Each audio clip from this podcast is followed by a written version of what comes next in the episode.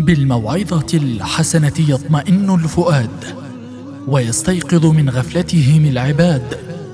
وبدروس ديننا العظيم تهدأ النفوس وتستقيم.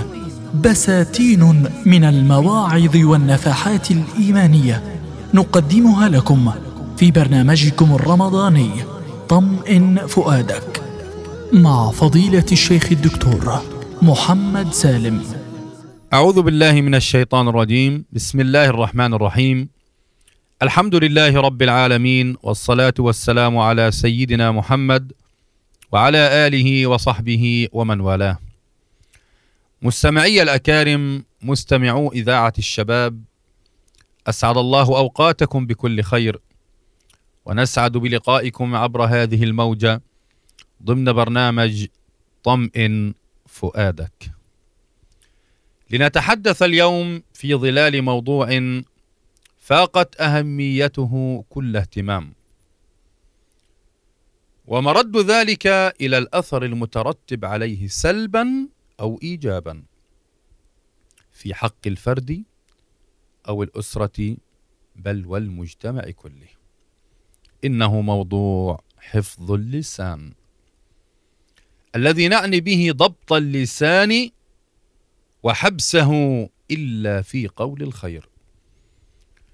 فاللسان هو أهم جوارح الإنسان وهو أكثرها نفعا إذا صلح وأعظمها ضررا إذا فسد.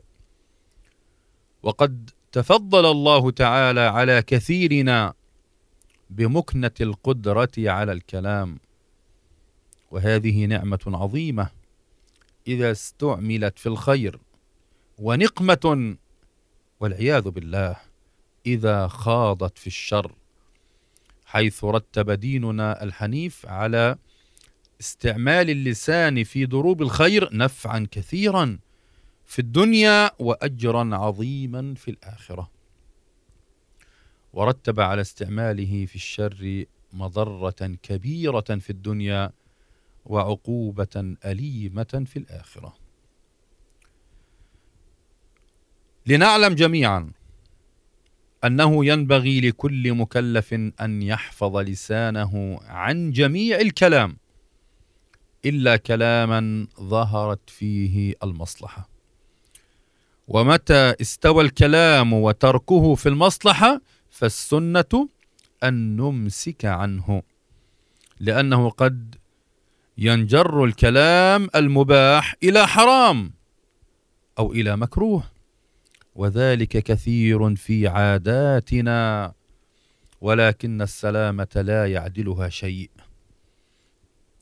وهذا القرآن العظيم يبين الاهتمام بالكلام.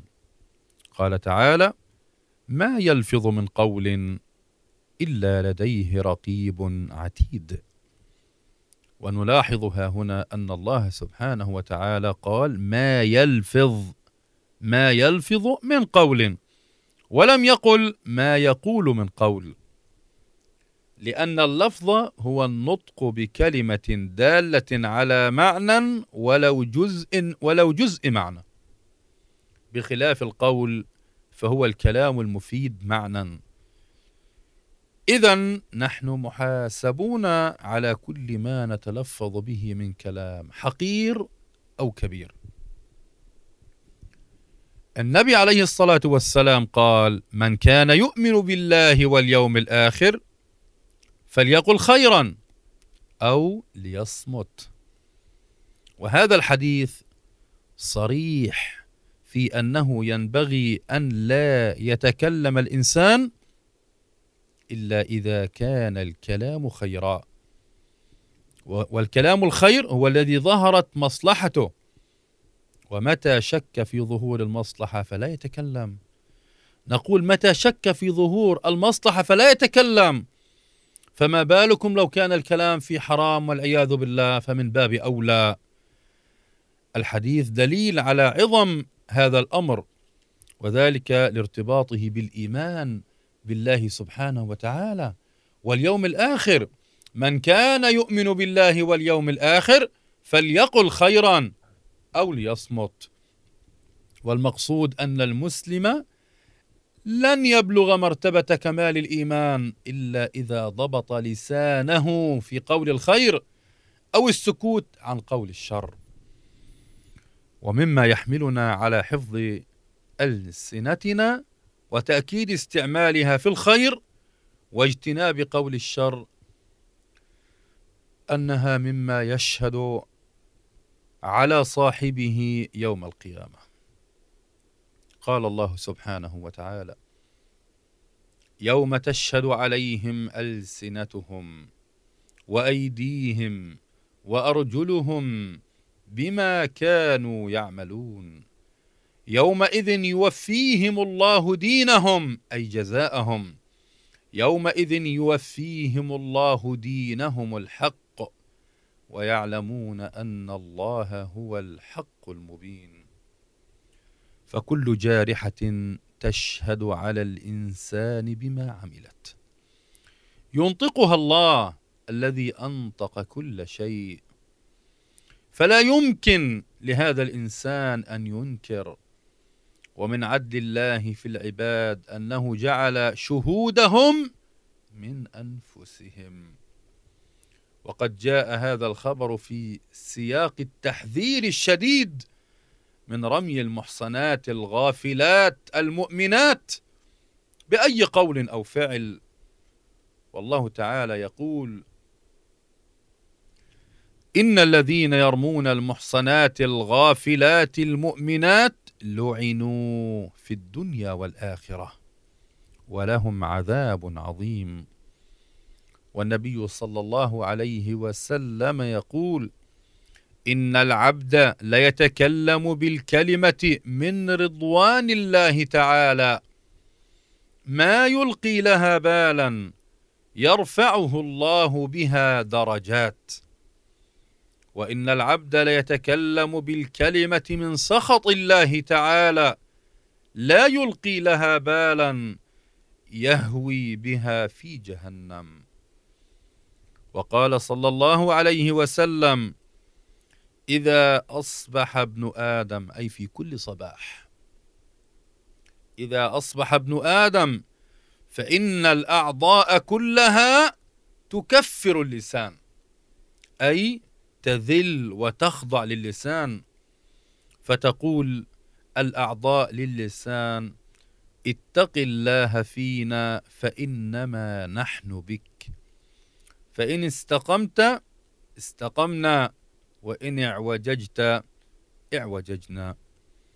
وعن أبي موسى الأشعري رضي الله عنه قال قلت يا رسول الله أي المسلمين أفضل؟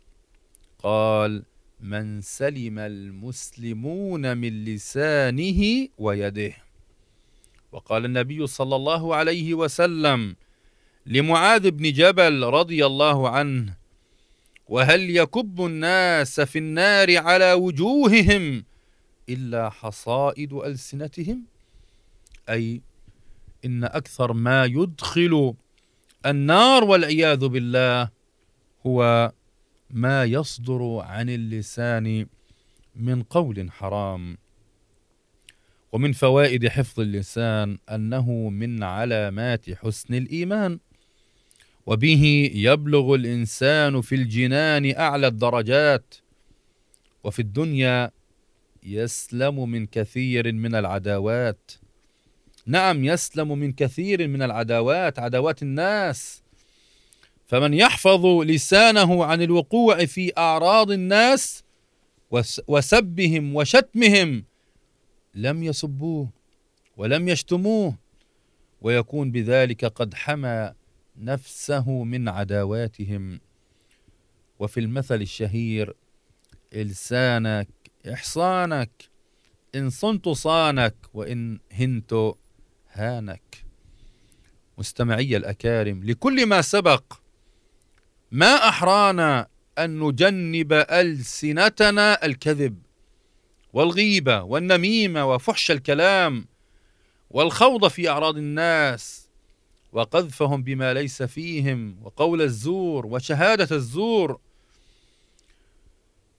وهذا شاعرنا يقول إذا شئت أن تحيا سليما من الأذى وحظك موفور وعرضك صين لسانك لا تذكر به عورة امرئ فكلك عورات.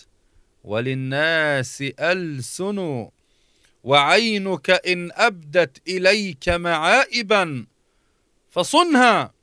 وقل يا عين للناس أعين جعلنا الله وجعلكم من الذين يحفظون ألسنتهم ويسخرونها في طاعة الله وذكره عبر تلاوة القرآن العظيم.